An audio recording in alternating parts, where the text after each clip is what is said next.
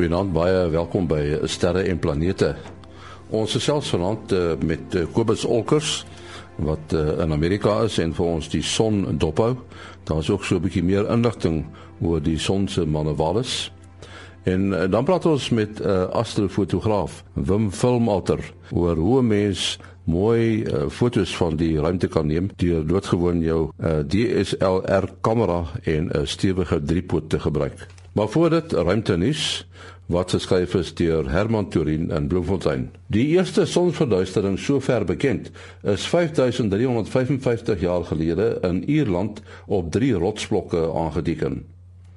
Die presiese datum waarop die betrokke sonsverduistering plaasgevind het, was 30 November 3340 jaar voor Christus. Die fonds is gemaak in 'n gebied waar baie antieke konstruksies staan en bekend staan as Kern L. NASA het die naaste rotsagtige eksoplaneet tot dusver van die aarde ontdek. Die planeet bekend as HD 219134b is belangrik omdat dit 21 ligjare van die aarde is, wat in ruimteterme 'n hanetree is. Die moederster is naby die noorderster te sien. Die planeet wat na raming 4,5 keer so swaar soos die aarde is, is egter nie bewoonbaar nie. Dit wentel so naby aan die ster dat dit net 3 dae neem om om die ster te wentel en dan glad nie regstreeks selfs met 'n teleskoop van die aarde af waargeneem word nie. Dit is gevind weens die swaartekrag invloed wat die omwentelende planeet op die ster het. Die fonds word nietemin as 'n goudmyn beskryf omdat die nabye daarvan ondersoeke baie vergemaklik. Tot sover 'n ruimtenis. En dan wil ek julle net vertel van 'n uh, sterre en planete aand wat ons op uh, Saterdag aan 22 Augustus in Van Sails Rust aanbied. Dit is Saterdag aan die 22ste Augustus. Nou as daar mense is wat saam met ons wil kuier die aand, kan u skakel na Handelie by 053 781 0201. Handelie telefoonnommer 053 781 0201.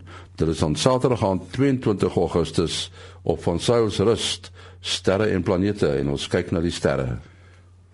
Ja, Kobus Onkers is uh, vanaand weer ons gas en uh, ons praat natuurlik oor die son. Miskien Kobus moet ons begin met uh, ons son weervoorspelling. Hoe lyk dit? Ja, ons ruimte weer. Kom ons kom ons kyk 'n bietjie. Ons het um, een aktiewe area wat baie kompleks is hy's nog nie ehm um, hy's op hierdie oomblik nog nie geo-effektief nie, maar dit lyk asof hy dalk 'n bietjie kan kan spanning opbou so deur die week. En as hy dit doen, kan ons wel probleme verwag ehm um, wat uh, ons GPS uh, en internet en so sal uh, sal kan beïnvloed. Dit behoort te geld hierso van so Dinsdag Dinsdag na Sondag se koers toe.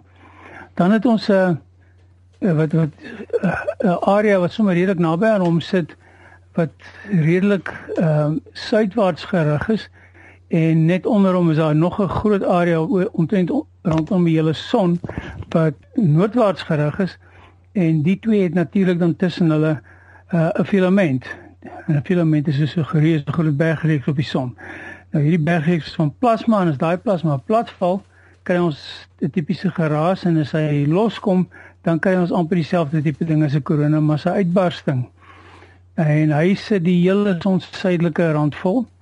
Hy's amper soos 'n streep hier so by ek sê by 40 grade suid. Dan het ons 'n klein korona gaatjie wat geo-effektief is op die oomblik en 'n redelike groot een wat uh, eintlik uh, amper 'n kroon 'n uh, kroon um, uh, korona gat is en 'n kroon korona gat is 'n ding wat by die noordpool van die son sit en dit lyk die son lyk op hierdie stadium amper soos 'n soos 'n ou met 'n bleskop. Die koronagat en sy suidelike gedeelte kan ons dalk net net raak so selfs ons uh, ons mense wat langafstand kommunikasie probeer pleeg gaan gaan probleem probleme mee. Ja, Kobus, jy jy praat nou van kommunikasie en so voorts. Die die doel van son weervoorspellings dit is nie net vir kommunikasie nie, daar's ander probleme wat ook kan ontstaan.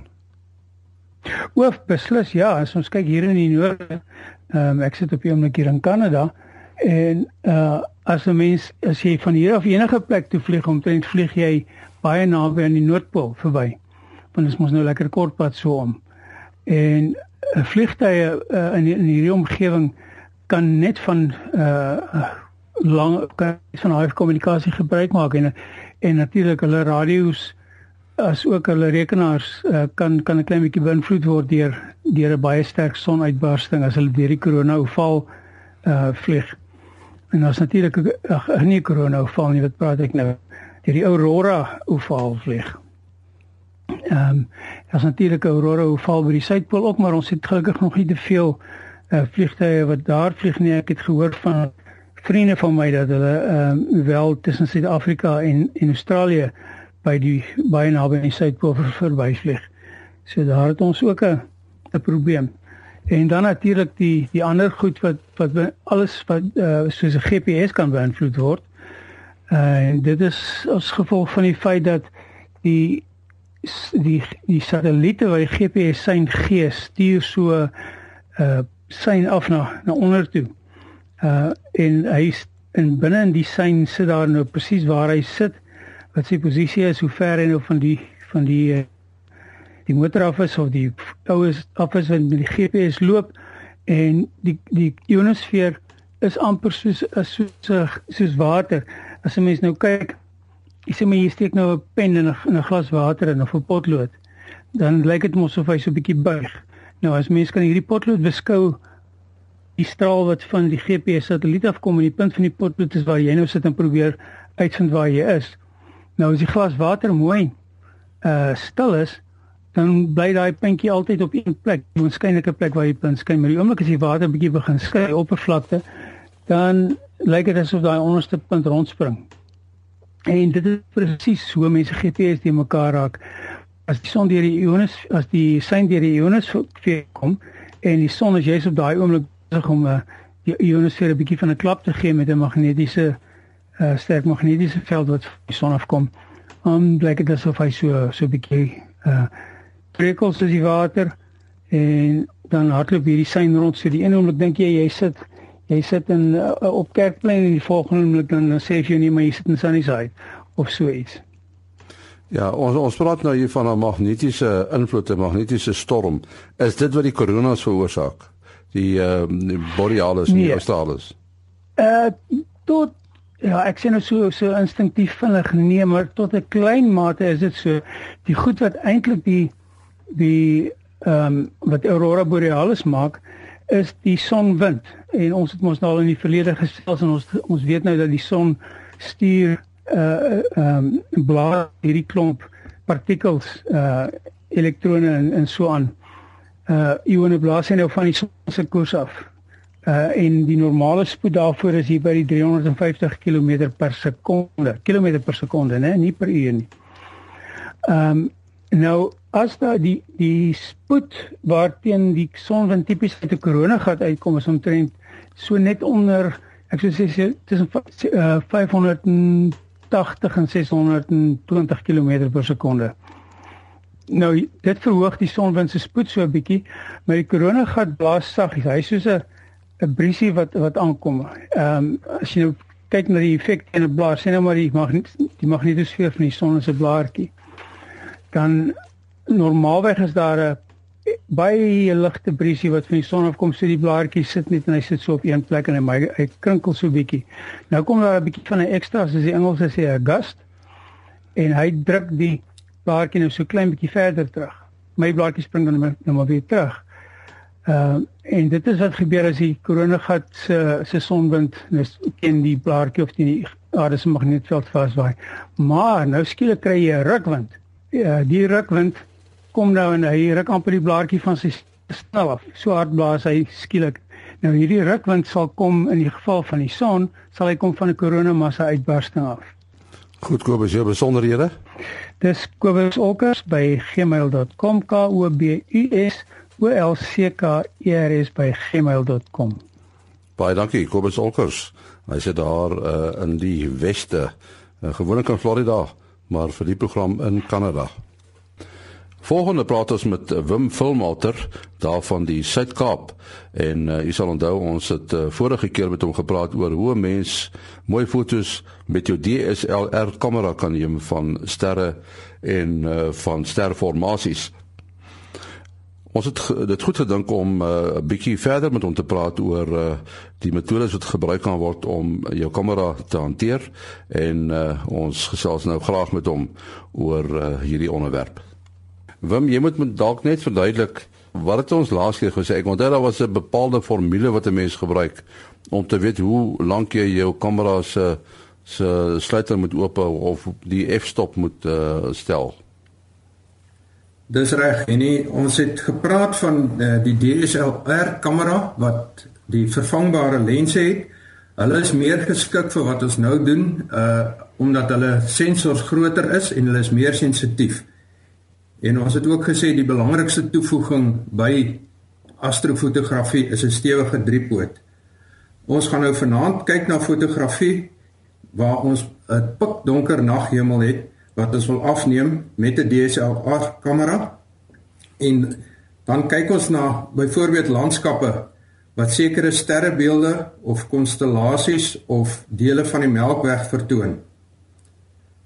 Ons gebruik gewoonlik die wydste moontlike lens, sê maar 'n 18 mm wat 'n redelike standaard lens by die meeste kameras deesdae is.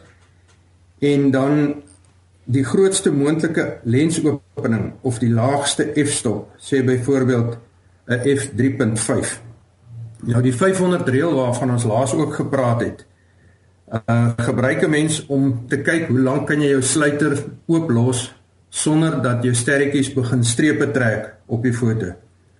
Uh hoe die reël werk is jy deel byvoorbeeld die lens wat jy gebruik die lenslengte 18 mm in 500 in En die antwoord gee vir jou dan 27 sekondes.